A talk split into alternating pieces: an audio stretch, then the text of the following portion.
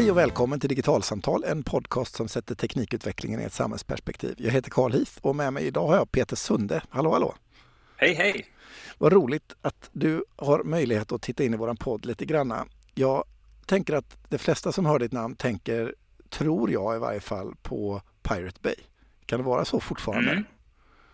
Ja men så är det. Det är lite som att vara med i Robinson brukar jag jämföra med. Man får liksom ett sånt där prefix som Robinson-Robban eller någonting. Så jag är Pirate Bay Peter. Men det, det, blir väl eh, annat också. Man blir ju vuxen snart så att det eh, man, man blir associerad med andra saker man har gjort med, tack och lov. Ja, precis. Och jag eh, hörde av mig till dig faktiskt av en helt annan anledning och vi kommer tillbaka till det sen. Men det är en tjänst som du har varit med och tagit fram som heter Hesa Fredrika eh, mm. som, som jag tänkte återkomma till. Men för den som inte känner Peter Sunde annat än som en liksom löpsedelstext eller sådär.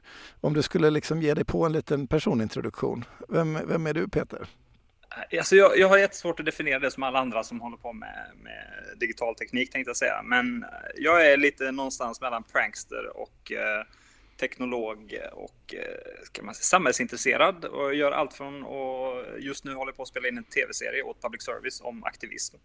Eh, men så utvecklar jag nu mjukvara och eh, jobbar med olika projekt som jag kommer på som är, handlar mycket om demokrati i samhället och att göra samhället kanske lite mer jämställt och, och rättvist och förbättra det rent strukturellt skulle jag vilja säga. Vad menar du när du säger förbättra strukturellt? För man tänker ju på dig som en person som håller på med internet och teknologi och sådär. Så det är väl, det är mm. väl i, den ändan av, eh, i den ändan av världen som du ser framför dig hur du jobbar med att göra samhället bättre utifrån från, från ditt perspektiv. Vad, vad kan det inbegripa för någonting? På vilket sätt ser du att eh, tekniken hjälper till i de, i de frågorna? Alltså, eh, det är ju det att jag har ju alltid haft så himla svårt att liksom separera internet från resten av samhället eller separera teknik från resten av samhället. Så som att, för, för det gör vi inte med någon annan teknik. Vi, vi separerar liksom inte telefonnätet från att vara en del av telefonvärlden, utan det är ju en del av den vanliga världen. Eh, men just internet har vi, kanske den, den nyaste teknologin brukar vara så att man, man har den som en separat värld i, i början. Och, men för mig har det alltid varit samma sak. Eh, så när jag pratar om liksom infrastruktur för internet så tänker jag infrastruktur för samhället eftersom allt flyttar till internet och allting är baserat på internet. Um, så för min del handlar det om att använda tekniken till att förbättra de sakerna som i samhället är trasiga eller förbättra de sakerna som är trasigt i internet där vi bygger det nya samhället om man säger så. Kan jag tänka mig då lite grann att en liksom metafor i det här fallet skulle vara att liksom för hundra år sedan så eh, höll samhället på att elektrifieras och man pratade om elektrifieringen och hur viktigt det var att dra elkablar överallt och sådär. Och idag så hundra år senare så tänker vi liksom inte på det. Men vi pratar om digitaliseringen som att det är den här särskilda och unika saken. Men att ja, det borde liksom så. vara någonting alldeles vardagligt. Är det så jag ska tolka det? Precis, jag, jag tycker att alltså, jag har ju växt upp med, med, med, med datorer sedan jag var barn. Liksom. Jag är ju den kanske den äldsta i den generationen som har gjort det om man säger så. Att vi fick dator så himla tidigt. Så jag har hållit på med datorer i 32 år eh, och jag är fortfarande inte jättegammal så det, det är ju kanske man är ju gammal för att hålla på med det här, men det är fortfarande någonting man har växt upp med. Eh, så, så, för mig har det liksom aldrig varit en, en snack om att separera de sakerna. Och jag tror man ser lite annorlunda på samhället med internet och samhället med internet som en separat del. På vilket eh, sätt då? Alltså, om du tittar på hur barn idag växer upp så ser ju inte de, alltså, de har inte den här tanken om att tv-kanaler är liksom så här, man ska sitta framför tvn en viss tid, utan de lever sin, eh, sin egen tidssfär om man säger så. Ja, det är faktiskt uh, just på det temat. Min, eh, min femåring hon kallar det som vi ser som tablå-tv, alltså vanlig tv, det kallar hon för tv som går av sig själv. Alltså, till skillnad ja. från den vanliga tvn som man kan välja när man tittar på eller inte. Ja, och, och, jag tycker nästan det blir lite spännande för att hennes perspektiv är att tv är en separat del av världen. Ja, Internet är en integrerad del, men tv är något konstigt som, som finns separat från resten av världen. Ja. Um, så så jag, jag gillar ju det, den approachen bättre, för att det är ju väldigt konstigt att vi har Alltså, vi, vi, hade ju tekniska begränsningar som gjorde att tv har fungerat på det sätt som, som det gjorde. Vi hade tekniska begränsningar som gjorde att vi var tvungna att ha telefonnummer för att komma ihåg vem vi skulle ringa. Alla de här sakerna är tekniska alltså, det är begränsningar som den här, de som växer upp idag har inte. Eh, och, och ändå så är de en del av samhället och vi har anpassat samhället efter de begränsningarna istället för att bara ta bort dem nu och tänka på ett nytt sätt. Och, och vad är det liksom när du betraktar samhället då med de här glasögonen som du har, liksom, vad är det för, när du pratar om att samhället liksom är trasigt eller att det liksom går att laga eller göra bättre, vad är det för typer av områden som du, eh, för du har ju varit inblandad i ett antal olika projekt eh, de senaste åren, alltså jag tänker på Kvittar eller Flatter. Så det, mm. Är det liksom exempel på på den här typen av uttryck som du pratar om då, att liksom skapa verktyg som, som förändrar samhället på något sätt? Ja, alltså, jag, har ju varit, jag har ju förstått det att om, om man gör någonting före alla andra så, så kommer liksom man sätta för någon form av, av, standard för hur de sakerna utvecklas. Och då är det väldigt viktigt att om man har en, ett samhällsperspektiv på saker man bygger, att man gör det före alla andra. Annars så hamnar man liksom i en, en kommersiell värld. Så om man tittar på liksom Pirate Bay för mig var ju ett sätt att få folk att dela filer och, och liksom få tillgång till information på ett väldigt rättvist sätt. Och sen när man har byggt de, de tjänsterna som finns idag, som är Spotify och alla de andra som är på något sätt ett, ett svar till Pirate Bay, så har man varit tvungen att förhålla sig till hur information sprids på internet i det tillfället. Och då har det varit tillgång, eh, tillgängligt för alla och, och en, en, speciell form av tillgång. Uh, och samma sak var det med, med, med Flatter som för mig var ett betalsystem som jag byggde där det handlar om att vi skulle dela pengar lika enkelt som man delar annan information. Uh, på ett rättvist sätt utan att man skulle vara någon form av uh, Eh, en grupp är konsumenter och en är producenter eftersom på internet så är man ju båda delar. Så det är ett, ett rättvisare sätt att dela pengar på. Så att det handlar om liksom att skapa de funktionerna, visa eh, ett annat tankesätt kanske kring infrastruktur som borde finnas för att få folk att förhålla sig till dem.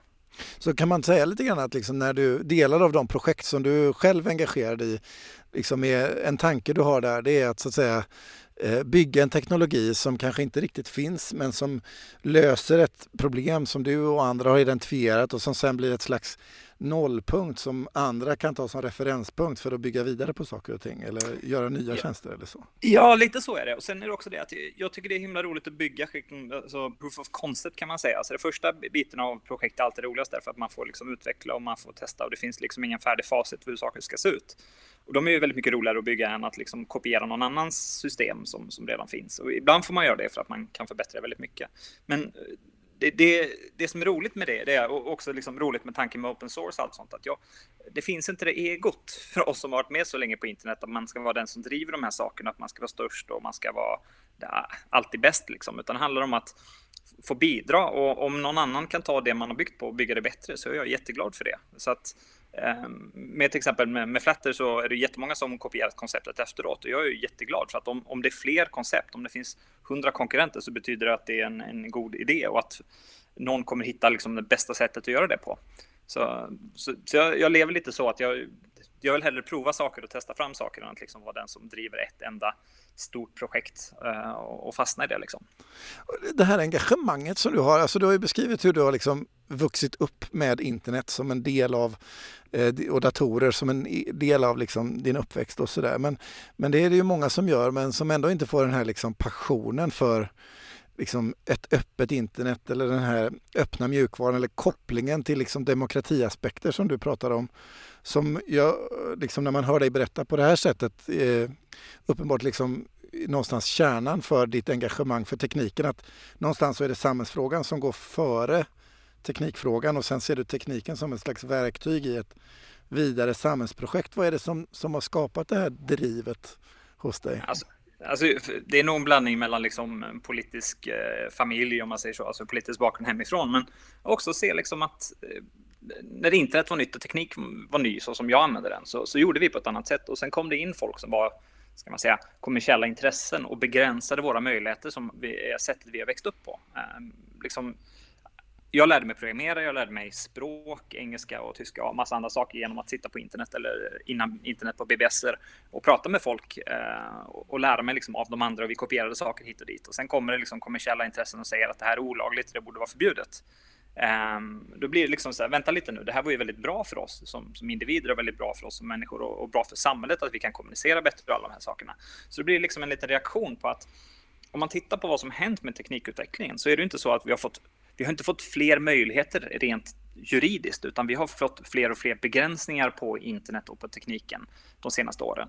Ehm, så på något sätt så, så förlorar vi som individer och, och vi som samhälle, om man ser på, på, på person, personerna i samhället, vi förlorar makt, vi förlorar tillgång samtidigt som kommersiella intressen tjänar mer och mer pengar och har mer och mer kontroll över oss. Därför är till exempel frågan som nätneutralitet en, en typisk fråga som jag bryr mig väldigt mycket om därför att det påverkar samhället i grund och botten med vem som har makten och vem som bestämmer. Eh, och har man på något sätt varit med på den sidan eh, där jag kommer ifrån, att man vet vilka möjligheter man har haft och man har utvecklats som en person på ett visst sätt på grund av de möjligheterna så känner man sig ganska trängd. Och jag tror att de som växer upp nu har, har, kanske inte varit med om att man har haft så mycket möjligheter och tillgång till information som, som vi hade bara för några år sedan. Och då har man kanske inte den här tanken på att man har förlorat någonting. Men jag ser hela tiden att vi förlorar saker. Är det liksom, eh, bara för att förstå hur du menar här de senare åren, är det så att du tänker att liksom, det fanns en tid eh, av internet då internet var liksom ganska öppet och brett. Eh, jag tänker på liksom när bloggosfären exploderade efter 2000-talet eh, så eh, skapade folk egna bloggar och sådär. Men de sista fem, sju, tio åren har vi gått mot ett mer plattformsberoende nät där man kanske inte har sin egna blogg i samma utsträckning utan man skriver på Facebook.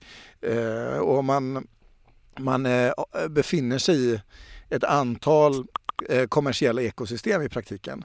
Eh, är, det liksom, är det liksom den utvecklingen du menar på att den här nästtillkommande näst eh, tillkommande generationen helt enkelt inte har sett hur det var före den tiden eller? Eller? Ja, en del av det. Alltså, jag, jag, jag, tänker till exempel om man tittar på en sajt som medium.com till exempel. Där är folk säger wow, vad häftigt, här kan vi liksom posta blogg, eh, bloggposter. Jag, jag, förstår inte varför det kan vara häftigt för någon, för att det är ju någonting vi har gjort hur länge som helst. Men sen på något sätt så försvann den världen lite grann. Men jag, jag tänker ännu mer så att alltså, du är inne på någonting, det handlar om kommersialiseringen. Att, att det kommer stora företag eller företag som har mycket resurser, de behöver kanske har riskkapital eller någonting i bakgrunden. De kan göra tjänster som inte ja, vanliga människor kan, kan bygga lika fort. De har väldigt mycket resurser till det och, och då använder man deras tjänster och, och skiter i att använda de decentraliserade tjänsterna. Då får de här kommersiella intressena mer makt och för att vi har centraliserat internet mer och mer och, och då blir det mer reglering eh, kring ja, på deras vägnar snarare än våra vägnar för att de vill ha skydd för sin affärsmodell. Eh, så, så, att allt det här hör ihop på något sätt. Att centraliseringen är, istället för decentraliserad eh, internet som det var från början det är ju ett symptom på hur vi i samhället centraliserar pengar och makt.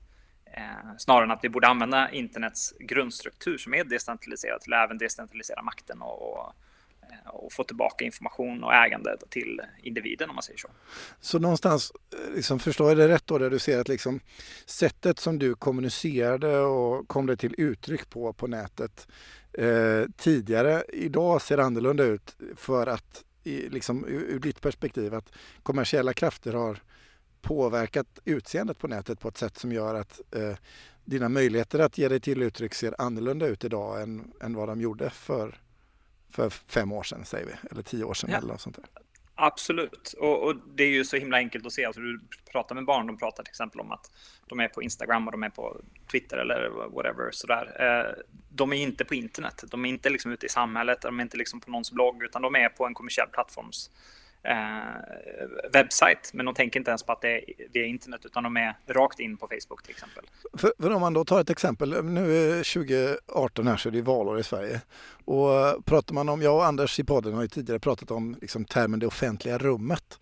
Eh, mm. Och att liksom i den fysiska köttvärlden så är det offentliga rummet ett torg eller eh, Eh, en gata, kanske biblioteket med lite god vilja mellan, mellan öppettiderna. Eh, och att det finns en liksom, svensk offentlighetsprincip som talar om vad jag får och inte får göra på det, på det torget.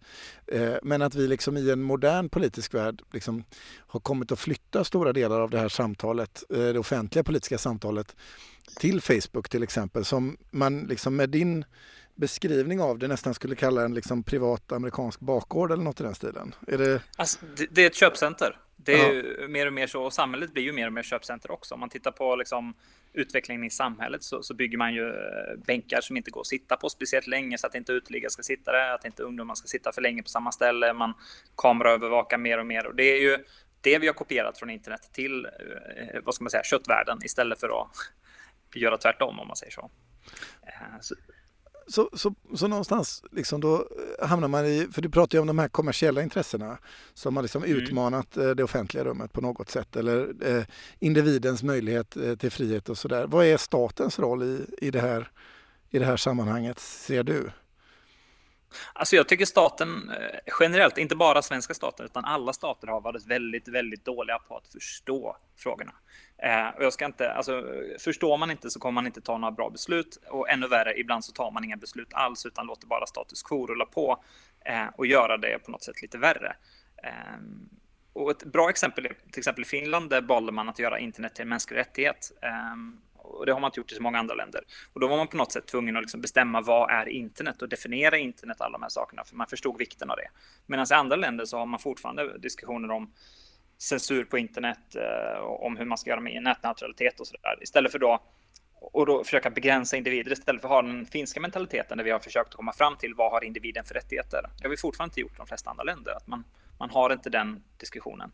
Jag förstår inte varför inte staten går in och säger att all information som, om mig som individ ägs av mig som individ, även om det är på en av de stora plattformarna. Det, det finns liksom ingenting som skulle vara dåligt för för staten. Det finns ingenting som skulle vara dåligt för individen. Det skulle däremot kanske vara lite dåligt för Facebook och de andra om, om vi, de fick bara tillhandaha vår information istället för att äga den. Så nu pratade vi om liksom egentligen liksom den data som jag genererar på nätet.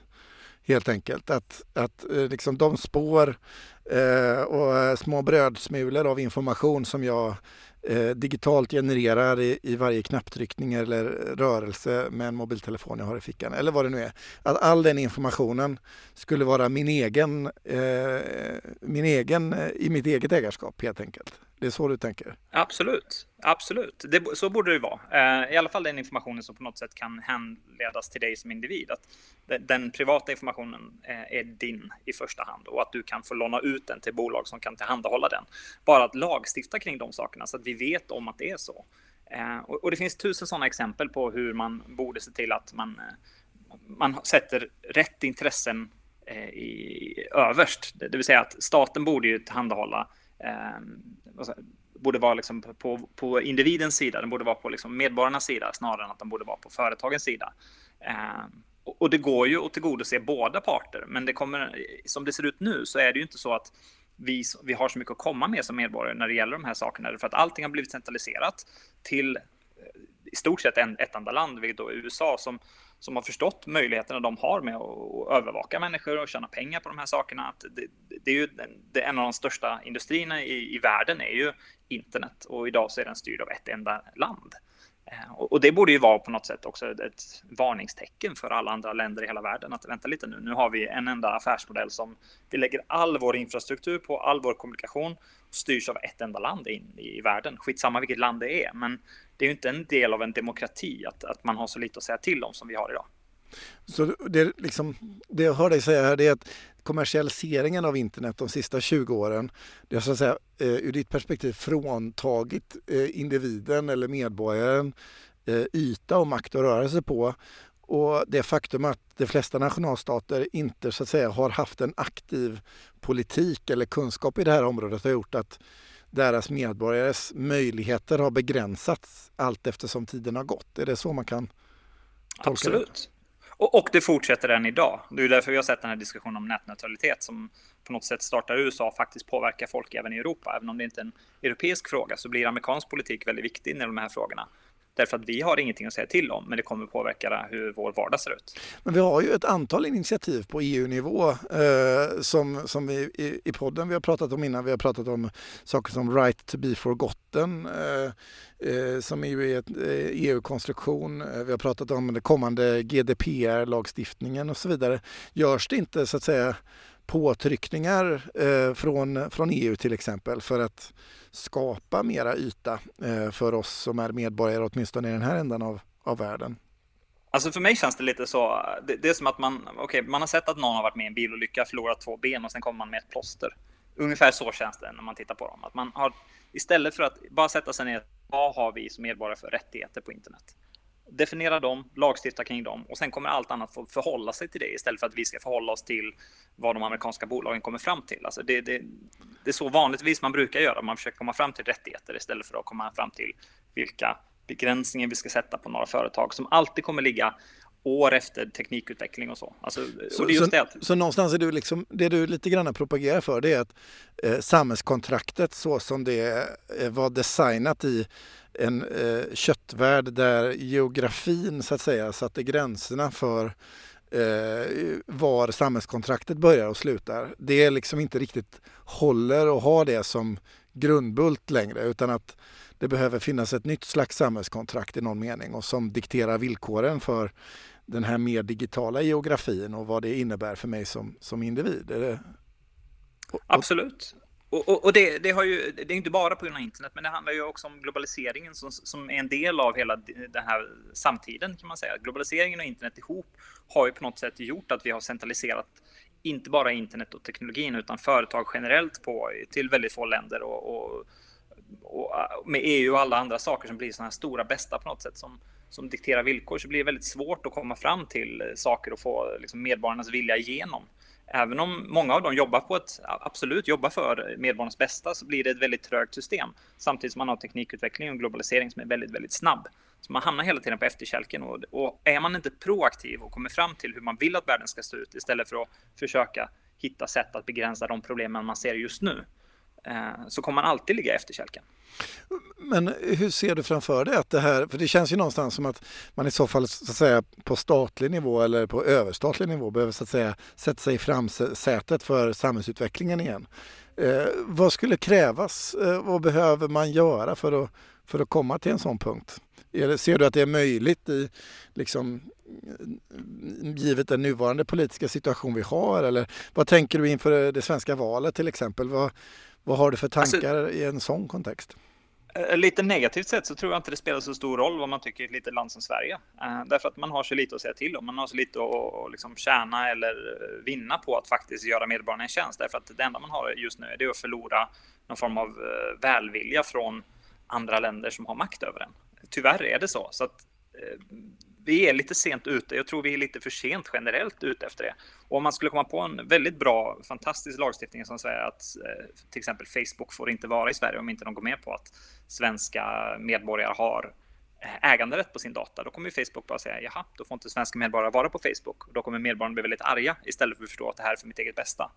Ehm, det är lite som den här frågan om man, alltså, tobak är ett väldigt bra exempel. Alltså, det är ju det att hade någon uppfunnit tobak idag så hade det varit förbjudet. Det hade varit en drog. Vi hade inte tillåtit cigaretter och snus att säljas därför att vi vet skadorna med det. Vi hade sett med en gång. Men på grund av att det är en tradition i samhället att röka och att folk har rökt väldigt länge så kan vi inte förbjuda det därför att det är lite för sent att förbjuda det. Sen kan vi försöka se till att folk inte börjar röka och jag tror det är lite samma situation när det gäller eh, Facebook och alla de här andra sakerna. Att de är lite som Eh, Eh, big tobacco-industrin. Där det är så att det finns några stora jättar som säger att det här är inte farligt, vi gör ingenting ont.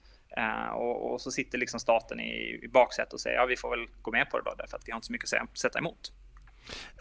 Eh, en sak som jag vet att du gör det är att du, liksom, du sitter ju inte still och pratar om de här sakerna utan som du var inne på initialt så bygger du grejer för det är ditt sätt så att säga att att påverka samhällsförändringen. Och en sak som du har varit med och byggt på i närtid här det är ju eh, appen eh, eller tjänsten ska vi säga, Hesa Fredrika. Vad, mm. vad är det för någonting? Det är Hesa Fredrik för 2000-talet eh, skulle jag vilja säga. Och Hesa Fredrik det är de här eh, tutlurarna som eh, drar igång eh, på måndagar klockan tre en gång i kvartalet eller hur det nu är. Precis. Vet du vad som ska göras när du hör den? Då ska jag sätta på radion, tror jag. Och, Vilken kanal? Eh, ja, det, P4 kanske? Kan det vara så? Det stämmer. Det är inte många som vet det. Men sen är det också, frågar du någon som är typ under 20, tror du de vet det? Nej, jag tror att de lyssnar på det där tutet och tänker de, är det en båt i närheten? Ja, och sen har de ingen radio dessutom, för att det har de inte. så, så, så, när jag, jag tänkte på det under den här Västmanlandsbranden som var för några år sedan. Eh, där man berättade om hur svårt det var att nå ut alla som bodde i området därför att man inte kunde liksom få tag på dem. Eh, samtidigt fick jag reklam-sms från företag jag inte ville ha sms från som visste väldigt mycket om mig. Liksom. De skickade sms till mig med en gång liksom, och hade bättre koll än vad eh, jag vill att de ska ha. Så tänkte jag varför kan vi inte ha en bra tjänst som, som faktiskt får tag på folk lika enkelt som de här skitbolagen får tag på folk.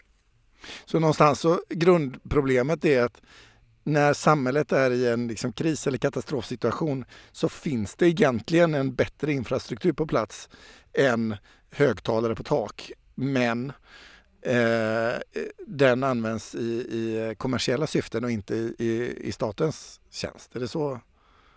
Ja, jag tror att man liksom på något sätt har... Eh, det är ju generellt så att när man håller på med någonting man är väldigt bra på, som till exempel MSB gör med, med, med liksom sina tjänster och bygger VMA och har väldigt hög eh, funktionalitet i den världen så har man väldigt mycket fokus på att förbättra det systemet som man redan har istället för att se över vad kan vi göra med ny teknik.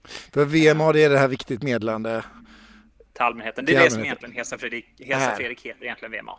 Och, och, och, och så, så eh, i det här fallet så har du och andra tillsammans byggt en öppen mjukvara som helt enkelt är en digital version av Hesa Fredrik. Ja, fast lite förbättrat. Eh, så hur funkar, hur funkar det här och var hittar jag det och, och så? Ja, det är en app som finns både i, i Eh, app Store till, eh, till Apple-produkter. Ehm, och sen så finns det då ett API man kan använda hos oss också. I stort sett, du installerar en app och sen så hoppas jag att du aldrig behöver se det geografiska området du befinner dig i om du har delat ut din eh, GPS-position till appen. Utan du kan välja ett, ett visst område själv om du vill det. Och eh, någon liknande tjänst har inte eh, Myndigheten för samhällsskydd och beredskap tillhandahållit alltså? Alltså, de har gjort en som heter krisinformation på MSB eh, och den fungerar jättedåligt och den har inte riktigt förstått potentialen av att kunna använda appar. Jag tror att man mer har gjort den appen därför att man har på någon, något, något möte kommit fram till att man behöver en app för att man ska ha en app nu för tiden. Eh, så känns den. den. Den hämtar flöde från deras webbsajt eh, och när jag testade appen när jag höll på att undersöka vad som fanns då fick jag ett meddelande från den här krisinformationsappen en, eh, en fredagkväll tror jag om att förra veckan så hade riksdagen haft en genomgång av vad man skulle göra med alla flyktingar som kom. Det var det enda varningsmeddelandet jag har fått och det kändes inte som att någonting som skulle komma från krisinformationsappen överhuvudtaget. Um, men det var en viktig fråga och det var helt ointressant ändå för mig att få som, som, meddelande i telefonen att eh, någonting händer i mitt område. Um, och, och, även så, en annan sak som jag kände med en gång, det är ju det här att man telefoner är ju, går åt båda håll. Att man, man, kan inte bara, man behöver inte bara skicka ut meddelanden utan du kan skicka saker tillbaka. Så vi kom fram till att vi skulle bygga funktioner för att man skulle kunna skicka tillbaka information om att man vill vara blodgivare vid katastrofer. Man kan ha sett en människa vid, som är bortkommen, någon, något barn som kan ha sprungit ut i skogen eller sådär. Att man kan rapportera in sådana saker då via, via appen finns det möjlighet för. Så någonstans så är den här appen liksom designad utifrån att internet är en del av samhället och därför så ska den här appen utgår från alla andra liknande typer av tjänster som finns i kommersiell kontext fast lösa VMA-utmaningarna på ett bättre sätt än det som myndigheterna själva har konstruerat helt enkelt. Absolut, och, och, och saken är också att vi, vi har hämtat flöden, alltså information från inte bara från eh, alltså just VMA-flödet eh, utan även liksom värdevarningar och andra saker som vi också tycker kan vara eh, vettiga för folk att få ut. Och vi är öppna för samarbete med olika organisationer som finns bara i ett visst område som inte får tillgång till att skicka ut de här puten i VMA därför att det, det krävs otroligt hög, eh, alltså att det, det, är något otroligt viktigt för att du ska skicka ut ett sånt. Men om det är ett för litet nog område så är det inte speciellt lätt att få igenom. Men eftersom vi har GPS-positioner i, i telefonen så skulle vi kunna göra det för väldigt små områden. Så att vi, vi är lite smidigare på det sättet. Man skulle kunna tänka sig att som en kommun som har ett eh, litet vattenutsläpp eller någonting, alltså någonting av mindre karaktär som händer och som inte skulle vara av digniteten VMA. En stor trafikolycka eller någonting som, som ändå inte är liksom så stor så att den skulle liksom hamna på viktigt meddelande. Den skulle ändå kunna platsa i eh, Hesa Fredrika. Absolut. Och sen är det en annan sak också som är just det du var inne på förut, att eh, världen är global nu för tiden. Så, så vi är ju inte begränsade till att bara ha den här appen för, för Sverige, utan tanken är ju då att vi använder Sverige först och sen försöka få in flöden från de andra skandinaviska länderna och sen mer ner mot Europa också. Och tanken är att hela tiden försöka hitta liksom standardiserade sätt att få in de här så att det inte bara vi som kommer åt dem utan att eh, först och främst ska vi försöka hitta vilka som finns, identifiera dem, samla in dem så att vi har dem och sen lägga ut information också om vart andra kan hitta dem om inte de vill hämta dem från oss. Så att någon annan ska kunna göra samma sak. Så att vi vill inte låsa in någon i vår lösning utan vi vill att det ska finnas massvis av information tillgänglig för människor som, som faktiskt kan rädda liv. Så att det skulle kunna vara så att liksom, det ni är mer intresserade av det är någon form av liksom teknisk infrastruktur för samhällsviktig information och sen hur det ser ut i min telefon och app och så, det skulle kunna se olika ut i Sverige och Danmark och så. Ja, det spelar ju egentligen ingen roll så länge det på något sätt är att man förstår att det är viktigt. Um, det, är ju, det är ju grundbulten. Men, men jag kan ju tänka mig lika gärna att om du redan har en app från låt säga Facebook eller från någon annan du litar på som du absolut använder hela tiden så kan ju lika gärna de få hämta flödet från oss eller från de ställena som vi har identifierat som, som de vill gå till själva för att göra samma sak. Att de kan få eh, skicka ut med varningsmeddelanden utan att du har appen därför att du är redan där. Eh, precis som att du är inne på en webbsajt och surfar så kan det komma upp att vi, vi tror att du är i det här området och då kan du få upp ett VMA där också. Eh, så, så vi vill liksom bara få ut det överallt där det på något sätt skulle kunna vara viktigt. Så... När vi pratades vid lite innan så sa du att ni hade hört av er till eh, Myndigheten för samhällsskydd och beredskap som ju gör eh, viktigt medel, VMA, eh, liksom handha VMA-tjänsten och så. Eh, men att eh, mottagandet hade inte varit, eh, hade varit svalt. Har ni hört någonting nu när appen är publik och sådär från dem? Nej, de är nog inte så intresserade. Eh, alltså, vi har varit och pratat med typ precis alla andra förutom MSB. Alla andra har varit jättetrevliga och enkla att ha att göra med. Eh, även de som internt har kaos i sina organisationer som vi har förstått när vi har försökt att få information från dem. Eh, men, men MSB har varit totalt ointresserade och väldigt lite tillmötesgående tyvärr. Vad, vad, ni gör den här appen eh, baserad på öppen mjukvara eh, och den ligger på GitHub så man kan gå och titta eh, och, och, läsa källkod för den som vill och sådär. Vad är det som är viktigt med den här typen av samhällstjänster tycker du att, att jobba med öppen källkod?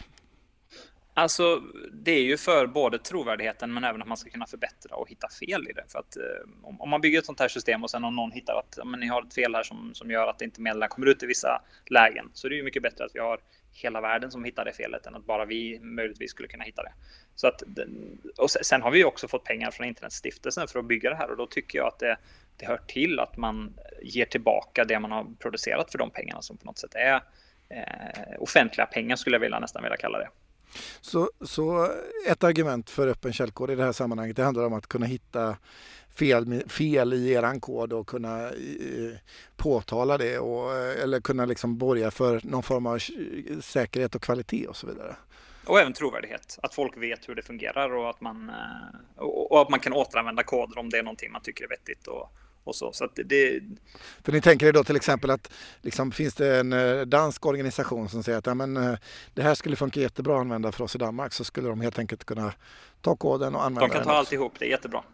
Det vore fantastiskt, det vore jättebra. Och det här perspektivet på så att säga, samhällsinfrastruktur som öppen källkod, eh, det är inte liksom på något sätt en självklarhet i det offentliga. Vad är det för dig som gör att det är, det är så viktigt i det, här, i det här sammanhanget? Nej, alltså, speciellt i det offentliga. Jag tycker det är väldigt konstigt för att eh, jag kommer ihåg att jag var i Brasilien för, för många, många år sedan och och Eh, och blev så imponerad över att där har de besatt, bestämt att om, om, staten eller kommun eller myndigheter eh, generellt köper upp någon programmeringstjänst så ska all kod vara eh, öppen källkod därför att medborgarna har redan betalat för den så att de ska ha tillgång till att få, få en kopia på den därför att det, den tillhör alla. Jag, jag, tycker det känns väldigt, på, på, något sätt så får du bara, både transparens men även att du får värde för pengarna som du faktiskt ger för att skapa någonting sånt här. Ehm, det är ju som om man som eh, byggföretag köper upp liksom eh, byggritningar för att göra ett hus och ska använda det tio gånger och måste betala för det varje gång så blir det kanske lite konstigt att man inte bara köpt upp det en gång för all, allt, för, för all framtid. Liksom. Så ser jag lite på när det gäller öppen källkod och, och, och myndigheter generellt. Eh, Peter Sunde, det har varit jätteroligt att ha det här eh, samtalet. Vad skulle du säga till dem som liksom tänker på det här med eh, frågan om internet och samhället och infrastrukturen inför valet? Är det, vad finns det för frågor man kan ställa politiker eller vad kan man eh, göra för att, så att säga, eh, väcka liv i eller hålla igång eller öppna upp för den här typen av debatt alldeles oavsett om man håller med i, i din argumentation eller inte. Vad, vad skulle du ge för tips avslutningsvis? Alltså det är jättesvårt att säga, men generellt så tror jag att om man, eh, hur man än ser och vrider och vänder på det så kommer man ju alltid komma fram till att internet är ju den nya bäraren av samhället, alltså tekniskt sett eh, åtminstone, och att eh, all form av kommunikation först går över internet. Och då måste vi komma fram till hur skyddar vi den bäraren så att den är tillgänglig för alla så som det är i resten av samhället. Och hur ser vi till att alla har eh, tillgång till den på ett rättvist sätt? Och de frågorna borde ju vara viktigare nu än någonsin när det gäller liksom att vi, vi vill ha ett, ett samhälle som fungerar framåt. Eh, men att få folk att prata om det tror jag är, det är, det är abstrakt med hur internet ser ut. Det är väldigt svårt att förstå hur de här sakerna hänger ihop. Så att om någon kommer på någonting jättebra så kanske ni kan berätta det för mig istället så jag kan irritera folk och, och få dem till att tänka på sånt här. Tack så jättemycket Peter för att du var med. Tack själv. Med det här så är dagens podcast slut. Surfa gärna iväg till eh, oss på Facebook där vi har en sida Digitalsamtal där vi postar avsnitt och annat och diskuterar med oss. Det finns en Facebookgrupp som heter Digital samhällskunskap där vi diskuterar eh, samtal som vi har. Eh, vi finns på e-post på podcast eh, digitalsamtal.se på Twitter på ett digitalsamtal och är det så att ni prenumererar på podden så får ni gärna eh, betygsätta och recensera för då hamnar vi högre upp i sökresultat och fler får möjlighet att hitta till oss. Men till nästa gång, hej då!